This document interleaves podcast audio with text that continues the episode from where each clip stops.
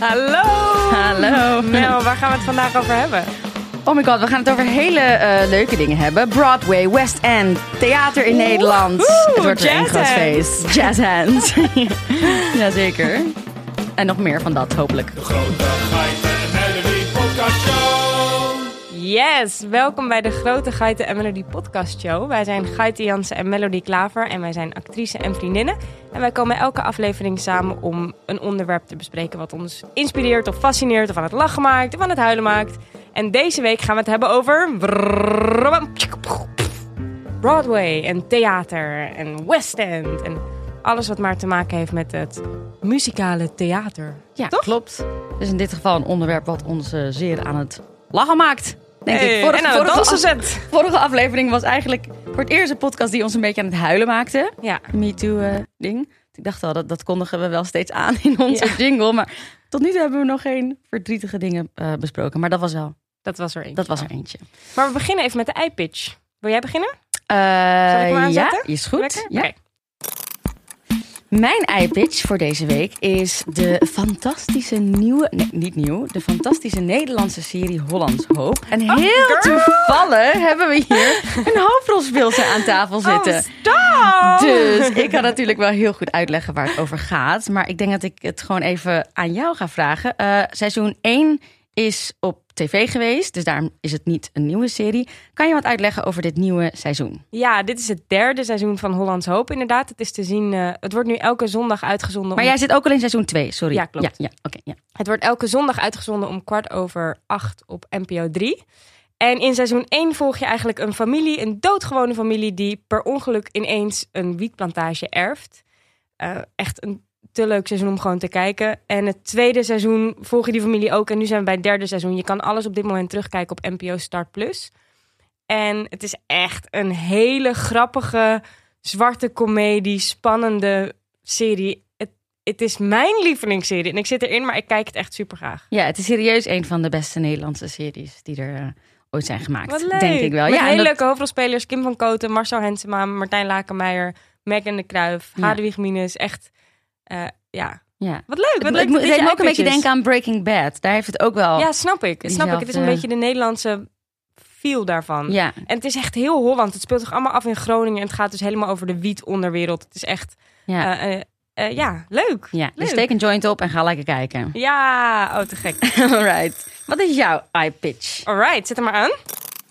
Mijn eye-pitch is de docu-serie Cheer op Netflix. Heb je die gezien? Nee. Oh, oké. Echt niet? Oh, girl, je kan Nee. het love it! Yes, Ik wil je meteen met talken. Oké, het is een zesdelige docu-serie waarin de Navarro cheerleaders... eh, dat is een, een cheerleader... Ik vind het nu al vet. Oh, het is fantastisch. Je volgt eigenlijk gewoon cheerleaders op weg naar hun nationale kampioenschap. dat is toch ook een aparte wereld, hè? Het is een totaal aparte wereld. En deze, je gaat zoveel houden van deze cheerleaders. Echt, als je het gezien hebt. En ik weet zeker dat je het in één keer helemaal binge-watch. Want dat heb ik ook gedaan.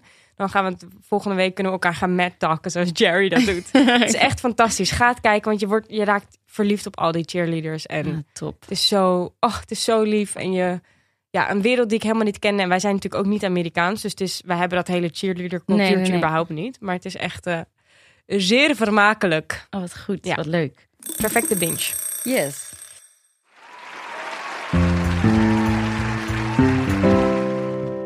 Oké, zullen we dan maar overgaan naar de aflevering? Absoluut. Waar gaan we beginnen? Beginnen we overseas of beginnen we dicht in de buurt? Ik denk dat we bij mij moeten beginnen, omdat wist jij dat The Musical Nou, Amerikaans is? nee. Ja, nee. ik wist dat dus serieus niet. Daar ben ik dus achter gekomen. Dus eh, zal ik anders Ik beginnen ga met ervoor zitten en eh, gooi op me. het- Oké, ehm, nou, ik heb eh, deze week me verdiept in Broadway. En Broadway is een straat in New York City die helemaal van downtown Manhattan tot aan de Upper West Side loopt. En als wij aan Broadway denken, dan denken we natuurlijk vooral aan het bruisende theaterleven en de hele Broadway musical. Maar hoe komt het nou eigenlijk dat die straat zo bekend is? En om dat te begrijpen moeten we terug naar het begin. En met het begin bedoel ik eh, terug naar de tijd dat de Nederlandse kolonialisten Zijn ze. Manhattan, ja, Manhattan binnenkwamen. En ehm, toen was Broadway een pad wat de lokale bevolking gebruikte als route om van hun dorp naar de jachtvelden te gaan. En de Was het ook Nederlanders. niet letterlijk een brede weg. Exact, ja. De Nederlanders die dus New York tussen aanhalingstekens kochten, noemden het vervolgens Bredeweg. En Super. in 1667, na de Vrede van Breda, is de naam letterlijk vertaald naar Broadway. Eh, toen, de, toen de stad in de handen van de Britten kwam. Oké, nu ga je misschien denken, wordt dit een geschiedenisles over New York? Maar dat wordt het niet. Eh, maar om dus het ontstaan van de Broadway musical te begrijpen, is het wel handig om New York in die tijdsgeest een beetje voor je te zien. Want het genre musical is super nauw verbonden met de ontwikkeling van de Amerikaanse natie. In, in de 18e en de 19e eeuw waren de Verenigde Staten van Amerika een piepjonge staat. En de Amerikaanse revolutie was nog maar net voorbij. En het land moest zijn hele eigen cultuur en zijn hele eigen identiteit nog vormen. En daarin speelde theater een hele grote rol. Want er was dus een hele gigastroom. We weten natuurlijk allemaal een beetje hoe Amerika zoals wij het kennen begonnen is. Namelijk met buitenlanders. Dus er was een gigantische stroom van immigranten. En daartussen zaten heel veel theatermakers. eh, heel veel afkomstig uit Europa, maar eigenlijk van over de hele wereld. En zij brachten allemaal verschillende vormen van theater. Zoals toneel, opera, muziektheater, vaudeville. Dat is een soort variëteitsprogramma. Pantomime, ballet, revue, drama. Nou, echt. Maar die, die mensen die maakten dus al theater in Europa. Ja, dat waren gewoon theater. Zeg maar, theater heeft altijd bestaan. Zoals, nou Ja. ja, als je daarover wil, luister nog even de Griekse mythe aflevering. precies. Ehm, dat heeft natuurlijk altijd bestaan, maar dat wa er waren, dus er kwamen gewoon allerlei verschillende soorten theatermakers met verschillende vormen van theater. Ja. En in de loop van de 19e eeuw veranderde de Amerikaanse maatschappij. Het land industrialiseerde, urbaniseerde en groeide tot een. Door, door al deze vormen van theater, door de immigratie. En daarmee veranderde de hele theaterwereld eigenlijk daar. En sommige theatergezelschappen vestigden zich in de groeiende steden, zoals in New York. En bouwden hun eigen theaters. En dat gebeurde gewoon vooral op die brede weg, want er was plek.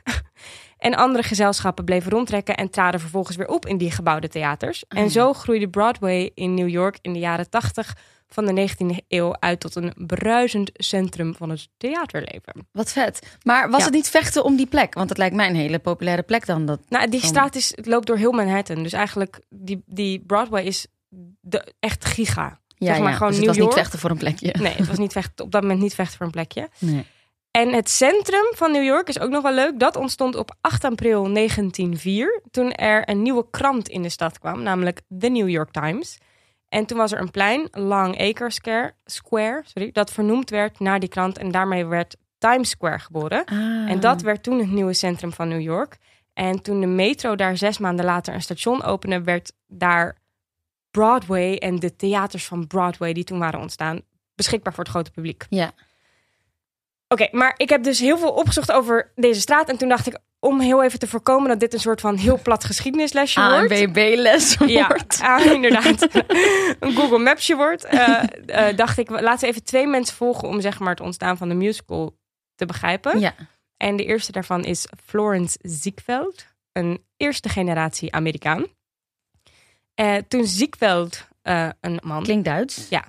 naar New York kwam, bestond Broadway al wel. En het was ook al wel een theaterstraat, maar niet zoals we het nu kennen. Er was gewoon, er was gewoon wel eens theater. Eh, en het theater wat er toen was, waren bijvoorbeeld witte mensen die zich zwart schminkten en zo de Afro-Amerikanen belachelijk maakten. Er was, dat was echt een stroom. Eh, Zo heftig. Ja, er was slapstick comedy show. Er was eh, Europese opera met prachtige kostuums. Maar als je naar het goedkopere gedeelte kwam, dan was er meer gewoon comedy en muziek. Er was wel een duidelijke scheiding tussen meer de Upper West Side, waar, eh, waar opera was en ballet en alles elitair was. En het lagere gedeelte van de straat, ehm, downtown, waar alles wat meer voor het volk was. Dus meer slapstick comedy, snelle acts, variëteitsshows. Nou ja. En Ziekveld zag al deze soorten theater en dacht: dit kan ik ook en beter. En in 1907 vond Ziekveld eigenlijk een theatrale vorm uit waarbij hij voor altijd herinnerd zou worden. Hij nam namelijk een Franse voorstelling, eh, Fol- ik ga dit verkeerd uitspreken, Folies Bergère of zoiets. En dat was een voorstelling in Frankrijk. En daar, dat draaide hij om tot een Amerikaanse voorstelling, de Ziegfeld Follies. En daarmee voegde hij zang, dans en humor samen met prachtige kostuums en spektakel. En dat alles klopte. Dus dat het verhaal elkaar aanvult. Dus dat de muziek het verhaal helpt en de dans het verhaal helpt. En daarmee creëerde hij eigenlijk de eerste echte Broadway musical. En Oh, gewoon cool. de musical zoals we hem nu kennen. En wordt die musical nog gespeeld? Die musical wordt nog gespeeld. Die hebt de Follies. Hij heeft heel, hij heeft na de Is het La Ziegfeld- Cage aux Folles? Of zoiets. Zou Nee, best kunnen, dat weet ik niet. dat- nee, laat maar. Ik ga nu rare dingen zeggen.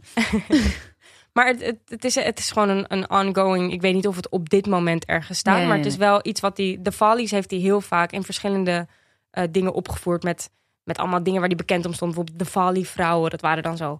Het was een heel ensemble aan prachtige Ja, ja, vrouwen ja. die super goed konden dansen en zingen. Nou, dit is een, een, een belangrijk persoon waarbij het gestart is. Maar een ander belangrijk persoon die echt geholpen heeft de musical te vormen was George M. Cohen. Of Cohen. Eh, dat was een hele bekende figuur, een, een man die optrad in vaudeville shows. En dat waren in toenertijd de meest populaire shows in New York.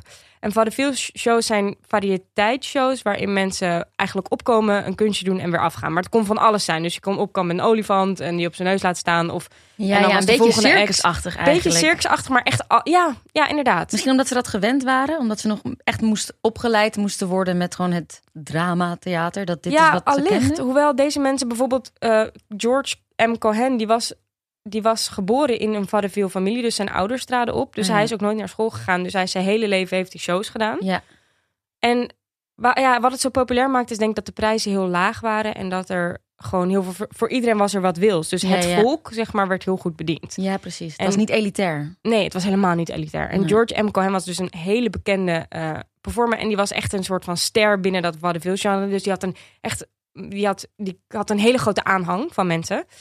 Ehm, hij, was, hij is geboren in 1878. Eh, dus even om het tijdsbeeld een beetje te geven. En na heel veel jaar van vaudeville shows wilde hij meer. Ik spreek het misschien verkeerd uit, dus sorry voor de, voor de taalpurist. Eh, en hij dacht, weet je wat ik ga doen? straks. Ja. Allemaal Frans. Godverdomme, het is niet waar hij wil. Ehm, hij dacht van, ik wil ook naar het, het opkomende en oprijzende Broadway. En ik wil ook eens een keer zo'n show, zo'n echte Broadway show doen. Dus hij dacht, weet je wat, ik neem het heft in eigen handen. En hij schreef de voorstelling Little Johnny Jones, een musical. En hij schreef de muziek ervoor ook zelf en hij speelde zelf de hoofdrol. En omdat hij zo'n bekend figuur was, zijn massa's mensen naar die voorstelling gegaan. En werden dus, kwamen er nog veel meer mensen in aanraking met dat hele concept The Musical. En hij schreef ook liedjes in een specifieke stijl die we eigenlijk nu nog steeds herkennen als musical liedjes. Ja. En hij eh, speelde ook op een bepaalde manier op een wat we nu ook nog heel makkelijk herkennen aan in de musical. Toch? Er is toch zo'n specifieke ja, manier van, zeker. van ja. En dat, dat daar Zelfs is hij eigenlijk zingen. ja, precies. En Ja. daar is hij eigenlijk de, de voorligger van. Hij schre- schreef, componeerde en speelde in totaal in meer dan 40 shows. En daarmee heeft hij dus echt een giga bijdrage ge- geleverd aan het scheppen van The Musical en de Broadway Musical. En hij heeft zelfs een standbeeld gekregen op Broadway. Oh, wat leuk. Ja, dus dat dacht ik van, vond ik wel even. Dat geeft een soort van beeld van, oh, ik wist dus niet dat het Amerikaans was. Nou, voor mensen die helemaal niet bekend zijn in de musical. Ik dacht, ik noem even een aantal bekende musicals op, want je hebt er vast wel eens van wat gehoord. Dat zijn bijvoorbeeld West Side Story, Hamilton, The Lion King, Wicked, Cats, Mamma Mia, Hairspray, Billy Elliot, Chicago, Rent, The Phantom of the Opera, Les Miserables. Nou, helemaal out of breath, noem maar op. We kennen ze allemaal wel. Ja. Oh, en jij vroeg mij trouwens nog naar het verschil tussen on-Broadway en off-Broadway. Ah ja, ja. Want dat is een concept wat, wat, wat, ik weet niet of dat voor iedereen bekend is, maar binnen de theaterwereld is het wel eens van, heb je een Broadway show of heb je een off-Broadway show? En je hebt zelfs ook nog off-off Broadway. Is ook een term. Klopt. En ik dacht dus, dat is toch logisch, het ene is op de straat en het andere is gewoon niet op de straat. Nee, maar het is Maar dat een is het dus niet. Nee. nee het is ehm, de theaters met meer dan 499 stoelen, die mogen zichzelf een Broadway Ah, show ze worden noemen. gewoon letterlijk steeds kleiner. Ja, en die komen ook in aanmerking voor een Tony Award. Dus Oh, dat is ook een ding. Dat is een soort van de Oscars van, de, van het theater. Gewoon de musical awards. Ja. ja. nou, Theater Awards. Oh ja, theater awards. En de theaters van 99 tot 499 stoelen, dat zijn off-Broadways. En minder dan 99 stoelen, dat is off-off-Broadway.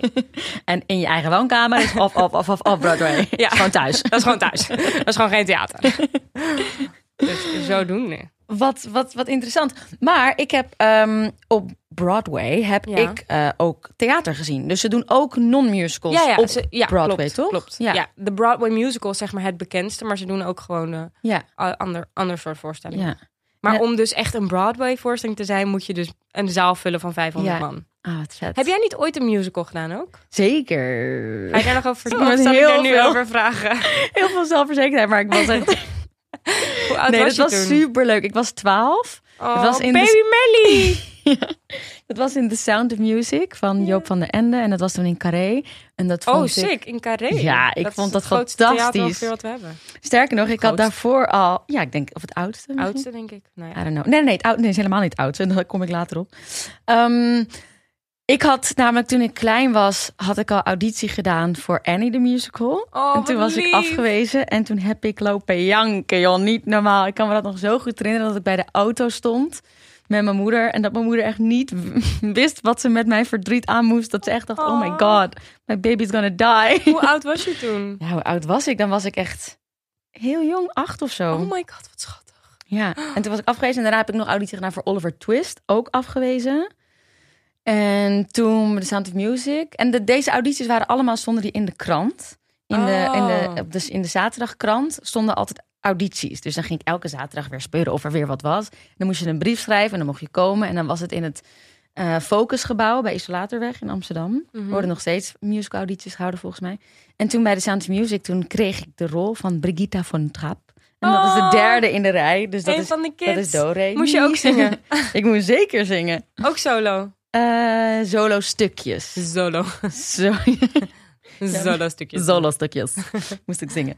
Ehm, maar dat was echt, dat was te gek. Met Hugo Hane en Maaike Widdershoven, als ik me nog goed herinner. Ja, dat was echt... eh, en, en sindsdien wilde ik, eh, wist ik het zeker. Ik Maar je bent doe nu geen musical meer? Of zou je dat ook wel willen misschien? Mm, Nee, gek genoeg ben ik daar helemaal van afgestapt. Omdat het is niet per se iets waar ik heel erg nog van hou. Terwijl het is heel gek, want net noemde je die namen op. Ik ken, net noemde je die namen op en ik ken ze allemaal. En ik vind ze ook echt heel vet. En ik heb er ook veel gezien in, nou ja, op, op Broadway. Of ook vroeger, als, als kind ging ik Ja. dan veel met mijn moeder naar musicals. En dan vind ik de vetste eh, West Side Story of Och, Chicago. Dat Laten we vind heel ik echt... even een liedje horen van West Side Story. Want Oh, het is ja. zo bekend. Ja. Okay, by me in America, everything free in America. Voor een smoffie in Amerika. Ehm, en ik denk Chicago... Bizar hoe bekend het allemaal is, hè? Ja, iedereen kent het ook Ja. wel. En ehm, Chicago, dat is nog wel een rol als ik die, ja, als ik die aangeboden zou krijgen of zoiets, zou ik Oh. daar zeker over nadenken, want ik vind Chicago heel vet. Ja. Zullen we daar ook een heel klein stukje Ja. van laten horen? Come on, babe, why don't we paint the town? I know that jazz, I'm gonna rouge my knees and roll my stockings down. I know that jazz, start the car, I know a whoopee spot. Dus ja, dus dat vind ik heel vet, maar ja, anderzijds, ik- ik- Ja, het is super populair in Nederland, maar het is gewoon niet per se heel erg meer mijn, mijn, mijn, mijn ding. Ehm, ehm, Je dat- moet ook wel natuurlijk, als je dat echt op Broadway doet... of op waar jij het zo meteen gaat hebben... ja, West End of whatever... je moet zo ontzettend goed zijn in alle drie de skills. In Zeker, zingen, dansen en spelen. Zeker, zeker. En het jammer is soms dat het in Nederland nog wel heel erg eh, van elkaar... Dat het, dat het gescheiden blijft, theater en Mhm. musicals. En dat het ook, ze komen ook van andere opleidingen. En Mhm. inderdaad, wat je zegt, ze zingen anders, ze acteren anders, ze Ja. dansen anders. Het is gewoon echt een andere, andere Ja. tak van theatermusicals. Iedereen kan dat, elke leek Ik weet nog wel ziet. dat ik in, El- eh, in Elliot in Engeland een keer naar Billy Elliot ging. En Ah, ja. daar dat, dat is natuurlijk met een, dat is met een heel jong jongetje in de hoofdrol. Ja, En dat er echt gewoon hele opleidingen zijn voor kinderen die gewoon hun lagere en middelbare school doen met de Billy Elliot school. oh my god. Echt bizar. Gewoon een Billy Elliot drill school. Ja. Hilarisch. Ja, en volgens mij, maar misschien omdat ik, het is niet natuurlijk mijn moedertaal, maar op Broadway zie ik wel wat meer een soort van, eh, ehm, ja, hoe noem je dat? Een goede overgang tussen gewoon theateracteurs en musicalacteurs. Alsof ze het echt allebei goed Zouden kunnen. zouden kunnen. Ehm, terwijl ik zou, je moet mij niet in een musical zetten, daar is mijn stem ook helemaal niet voor getraind. Nou, weet ik niet, Toevallig- meid. Ik heb je horen zingen in Othello en dat ging hartstikke goed. Ja, maar dat, dat gaat ook wel goed. Maar inderdaad, ik, ze zingen gewoon op ja, nou ja, goed, ik kan hier wel over blijven lullen, maar ehm, zal ik overgaan naar Ja, volgaarne. Ik ben heel nieuwsgierig. Ik weet niet wat jij gaat vertellen. Nee, ik ga het wat dichter naar huis halen, het Ja. eh, theatergebeuren. En ik breng ons naar West End. En dat is een district in centraal Londen. En dat is het belangrijkste commerciële en entertainmentcentrum van Londen. Ehm, en samen met het theater op Broadway eh, wordt het West End Theater gezien als het hoogste niveau van commercieel theater in de Engelstalige wereld. En vanwege de taal is het ook, net als Broadway, voor toeristen een grote toeristische trekpleister. Ehm, West End Theater is een beroemd begrip en de term staat voor mainstream professioneel theater in het West End District. Nou, hetzelfde wat jij net zei met Broadway en off-Broadway. Eh, 2018 was een recordjaar voor de theaterindustrie in Londen met een bezoekersaantal van 15,5 miljoen bezoekers. Holy smoke. Maar wacht, wat sick. Dat is echt heel recent. Ja, dat was vorig jaar. Nou, ja, twee jaar geleden. Wauw, Ja. ongelooflijk. Cool, hè? Ja. Eh, en net als op Broadway verschijnen ook hier veel beroemde filmacteurs, zowel Britse als internationale, eh, vaak op de Londense podia. Dat vond ik ook wel cool toen ik daar liep, dat je zo ziet, oh, Bradley Cooper speelt. Ja, En ja. dat je denkt, hè, maar moet hij niet... Dat je echt de grootste sterren gewoon De grootste. kan zien. Matthew Perry. Ja, joh. Dat soort, ja. Nou ja, vet. Ivo van Hoven, waar jij mee hebt gewerkt, die heeft een stuk gedaan met Jude Law en met Ja. Saline Rijn. Nou, heel cool. Ze willen allemaal toch weer terug naar de bühne. Hè? In contact staan met, met het publiek. Het publiek.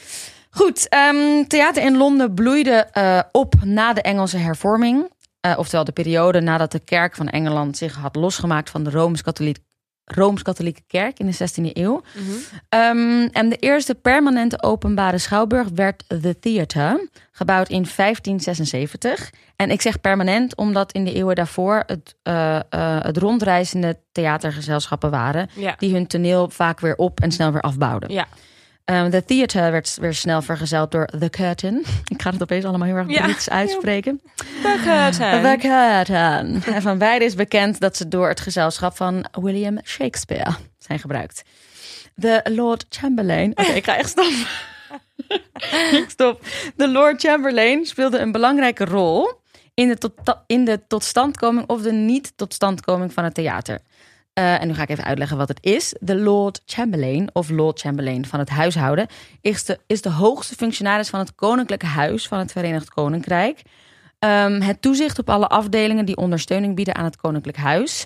Maar ze organiseerden bijvoorbeeld ook al hun tuinfeesten en staatsbezoeken en hun bruiloften. Goed, waarom dit belangrijk is, is omdat zij gedurende 230 jaar de bevoegdheid had om te beslissen welke toneelstukken een licentie voor uitvoering kregen. Oh, oké. Dus dit is, dit is da- daar, Daarom is het belangrijk. Ja. Ik ook zo... ik ga een uh, punt maken. Ik Ja, ga een punt ja, maken. Eh, van 1737 tot 1970. Wat betekende dat Lord Chamberlain het vermogen had om theater naar zijn plezier te censureren. Oh, oké. Yes. En misschien kan je nog wel wat feiten over het Victoriaanse tijdperk herinneren uit onze vorige podcast.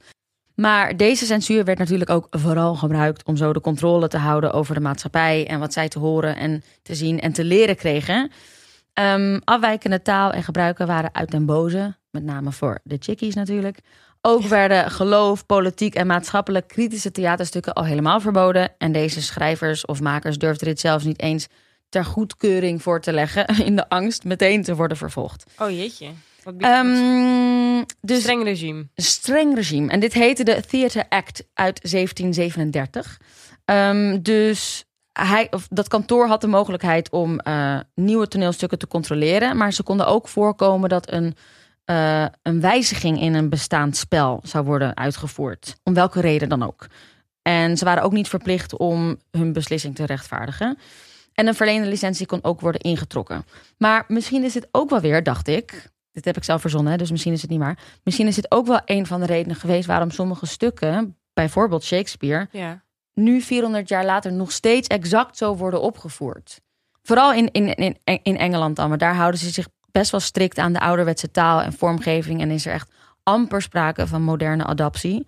Deze censuur beperkt het theater tot de patenttheaters, zoals bijvoorbeeld de Theatre Royal op Drury Lane. Ik weet niet of je dat zo goed uitspraakt. Of de Savoy Theatre. En dat vond ik ook wel een leuk feitje. Dat laatste theater was in 1881 het eerste gebouw ter wereld dat volledig door elektriciteit werd verlicht. Oh. Dus dat vond ik wel leuk. Ehm, deze patenttheatergezelschappen. eh, leuk woordje voor galgje. Eh, oftewel de gezelschappen die een licentie hadden gekregen van Lord Chamberlain. Om gesproken drama op te voeren. Die hielden eigenlijk een monopolie op drama tot ver in de 19e eeuw. En alle andere theaters mochten alleen muzikaal amusement verzorgen. Oh. Maar daardoor kwam er wel een openingetje in de wet voor deze niet-patenttheaters in het genre van melodrama. Want melodrama brak de wet namelijk niet, omdat er muziek bij werd gebruikt. Dus dan heb je misschien ook weer zo'n soort musical-achtig Ja. ding. Zo, drang, zo langzaam maar alles zingend brachten, dan mocht het. Dan mag het allemaal. Dan mocht het allemaal. En zo deden ze Dus dat opera mocht ook eigenlijk alles. Ja, ja, precies, ja. Ehm, nou, toen kwam de Theaters Act, werd in, 19, of in 1843 een beetje aangepast en het werd een beetje versoepeld. Ehm, en daardoor werd het theaterdistrict ook uitgebreid met veel andere kleine theaters. Ehm, in de jaren 60 van vorige eeuw, dus gewoon 1960, eh, waren er veel toneelschrijvers die controversiële werken wilden produceren, zoals Lady Chatterley's Lover. Ik weet niet of je die kent. Nee. Volgens mij hebben we dat op school wel eens behandeld. Ehm theaterzel, theatergezelschappen zoals het Royal Court Theatre kwamen in open conflict met dat Lord Chamberlain voor de eerste keer. Ehm, Dat is dus pas dat is dus echt pas ja, 1960. Dat er een soort van, dat mensen dachten: eh, wacht eens even. dit is echt helemaal niet chill. Dit is nee, nee, dit Maar- is niet chill. Oké. Ehm, en hoe zit het dan met Shakespeare? Nou ja, die waren dus helemaal goedgekeurd. Die waren goedgekeurd. Ja, wel waren- interessant, want het zijn wel controversiële stukken voor de ja, tijdsgeest. Is dat zo dan? Voor, ja, ik weet niet. Ze, bedoel, hij trapte niet tegen de maatschappij aan. Jawel, maar Ja. wel via, via, wel Misschien via ze- maskers van koningshuizen die niet bestonden. Of... Ja, wie weet. Maar in ieder geval, het mocht. Want ik heb, nee, ik heb, wat, ja, Shakespeare werd gewoon opgevoerd. Ehm, maar door deze, wat deze eh, toneelverenigingen dan deden, of toneelgezelschappen, ze konden zichzelf privéclubs verklaren. En zo konden ze deze strenge wetten weer ontwijken.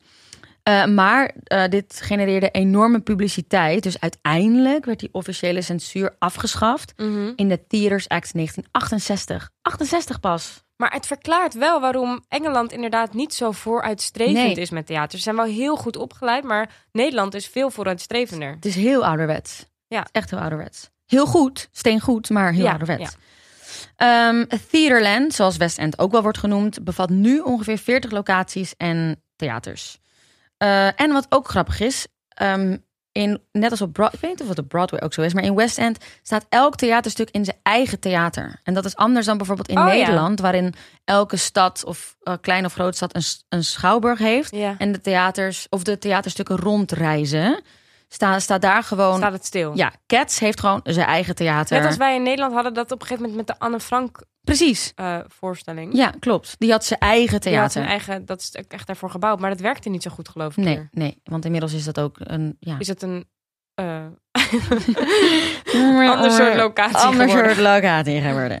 Eh, de lengte van de shows zijn natuurlijk Heeft afhankelijk. de Soldaat van Oranje dat niet ook in ja, Nederland? ja, oh ja, misschien is dat wat enige theater wat gewoon echt voor Soldaat van Oranje Ja, is want gebouwd. dat is zo'n ingewikkeld... Klopt.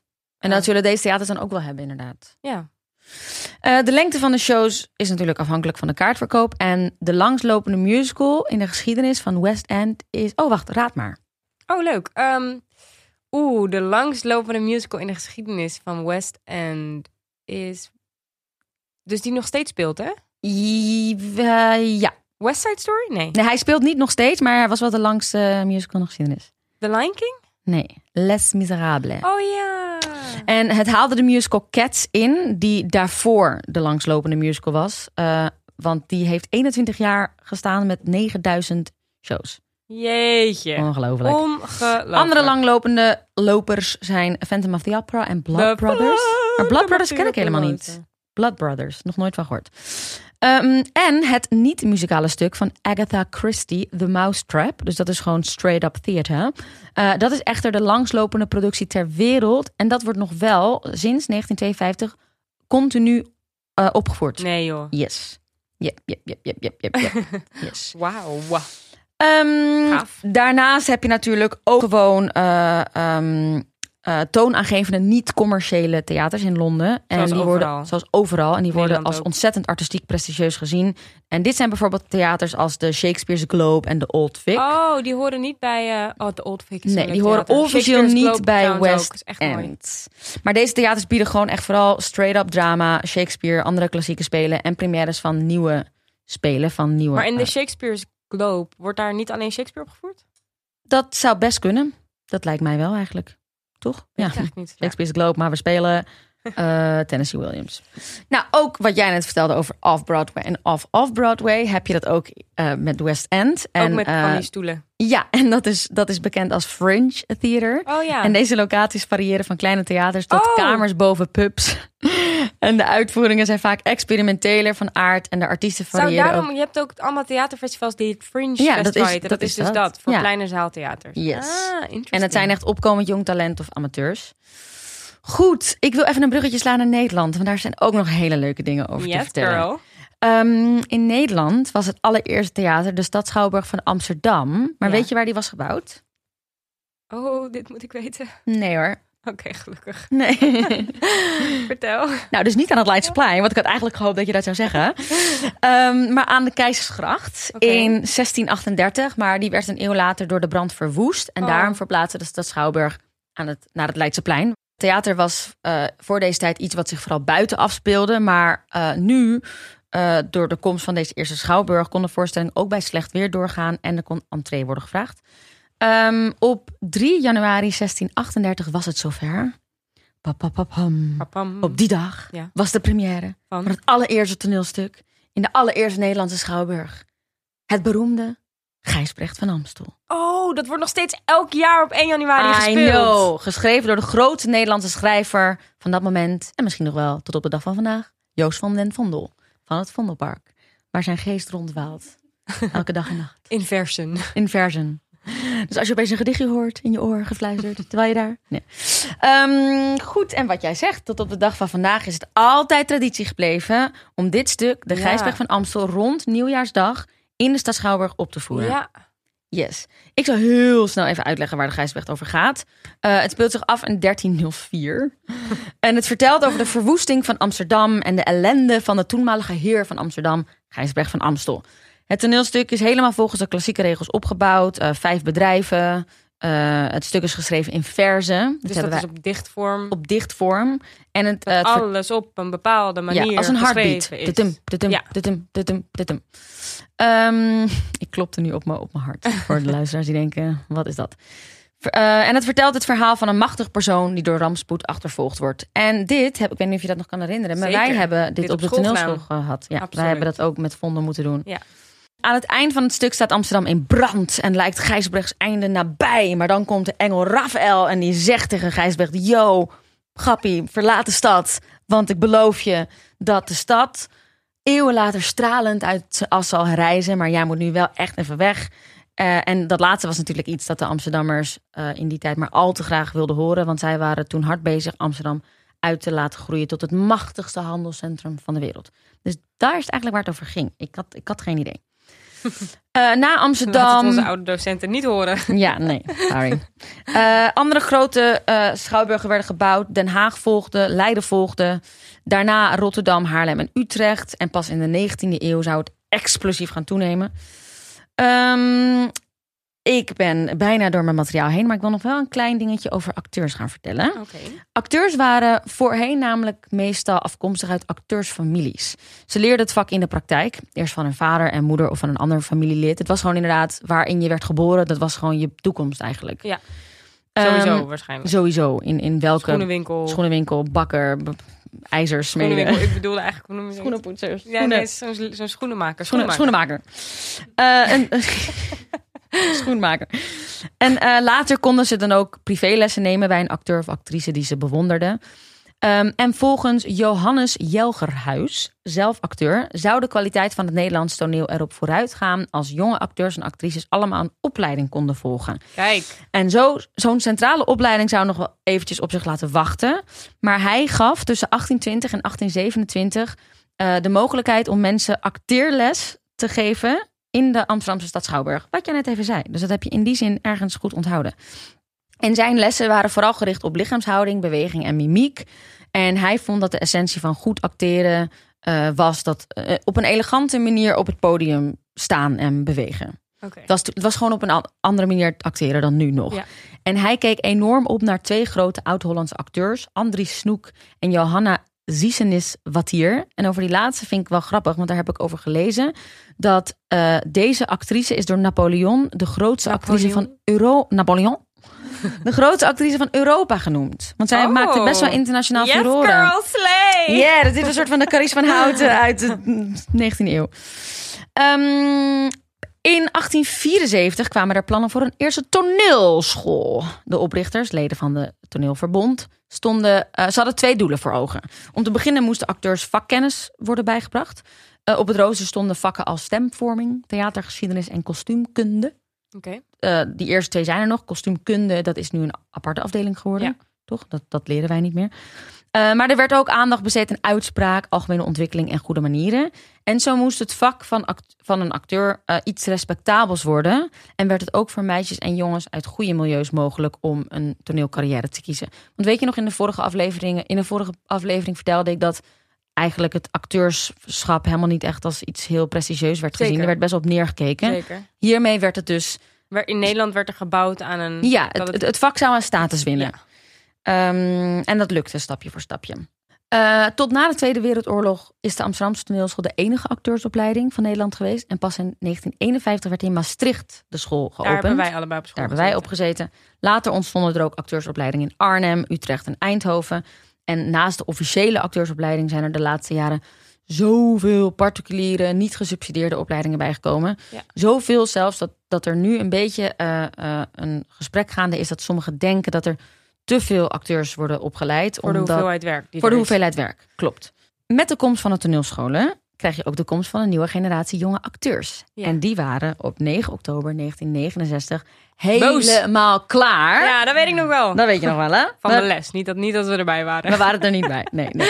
In ons Die waren leven. helemaal klaar met het Ja. ouderwetse, niet-maatschappelijke en elitaire toneel met de oude garde aan acteurs die het voor hen onmogelijk maakten om zelf rollen te mogen spelen of om vernieuwende stukken te maken. Dus wat gebeurt er?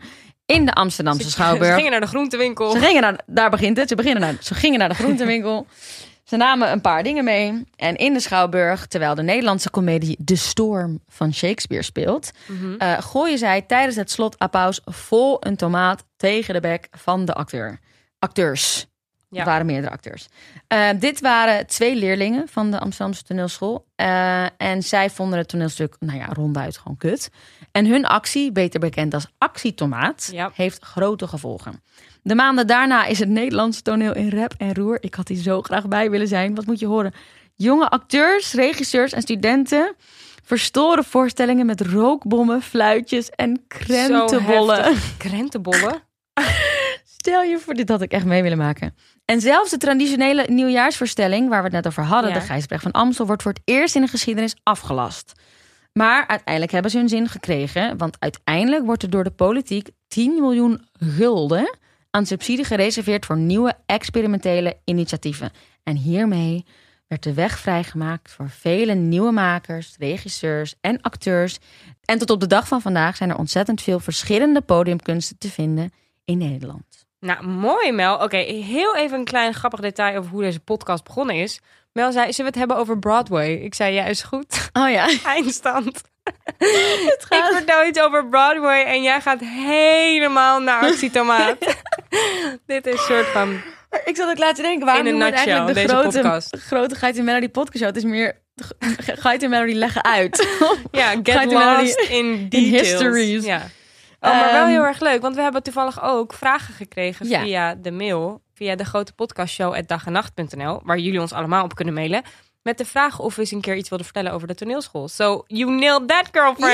yes, ik heb het aangestipt. Ja, En ehm, om daar nog heel even een soort persoonlijk tintje aan te geven. We hebben het volgens mij ook al in onze introductieaflevering over gehad. Dat wij samen op de in- toneelschool op de hebben toneelschool hebben gezeten bij elkaar in de klas. En samen Ja. hebben gewoond. En muizen in onze soep hadden en zo Ja. thuis. Dat soort dingen. Heerlijk. Ehm, eh, en ja, volgens mij is nu, we zitten nu in februari. eh, eh, nu zijn volgens mij al die audities gaande. Is dat zo? Ja, dus, dus, dus je bent nu te laat. Dus volgend jaar! Dus volgend jaar heb je nu een jaar lang om je voor te bereiden. Als je naar de toneelschool wil, volgens mij is dat inschrijven nu echt al in november. Maar dat, moet- Ongelooflijk. dit zou ik echt even Spannend. allemaal zelf gaan checken. Ja. Maar ik hoor van heel veel jonge eh, mensen dat ze nu, eh, aan het auditeren dat ze zijn. nu aan het auditeren zijn. Dus dat is nu allemaal going on. Spannend. Dus er komt weer een hele nieuwe lichting. Er komt Leuk. een hele nieuwe lichting. Ehm, ja, en verder, wat kunnen wij nog vertellen over de toneelschool? Ik denk dat we alles wel een beetje hebben besproken. Ja, als jullie specifieke vragen hebben, mail ons vooral. Ja, We- nou misschien we- nog even leuk om op te noemen de lessen die we hadden. We hadden, we hadden eh, stemles, stemles, toneel- beweging, speelles. Nou, improvisatie, eh, theorie. We hadden speelles. ja, dit is een HBO-opleiding. Een. HBO-opleiding, jongens. Eh, Ehm, niet veel dat theorie. zegt, maar Theatergeschiedenis, tekstanalyse. Ja. Eh, wat nog meer? beweging. Ja. Bewe ja en en, en eh, een, een artistiek ondernemen van Henk Havens. Dit moet er van uit. Artistiek ondernemen.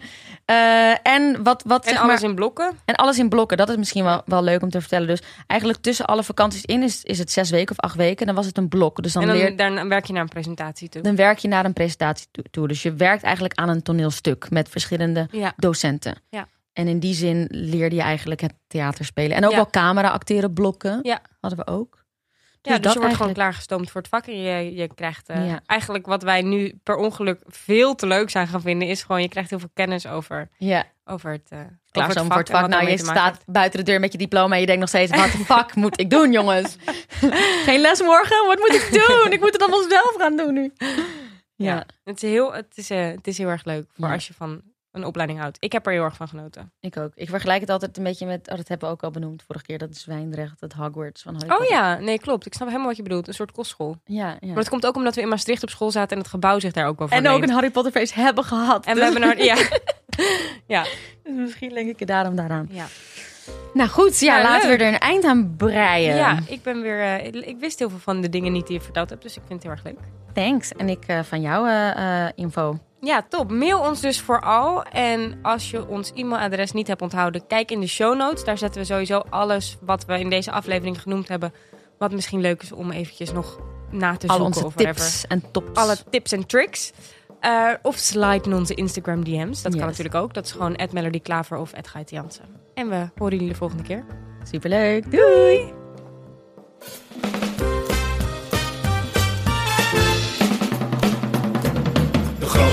right.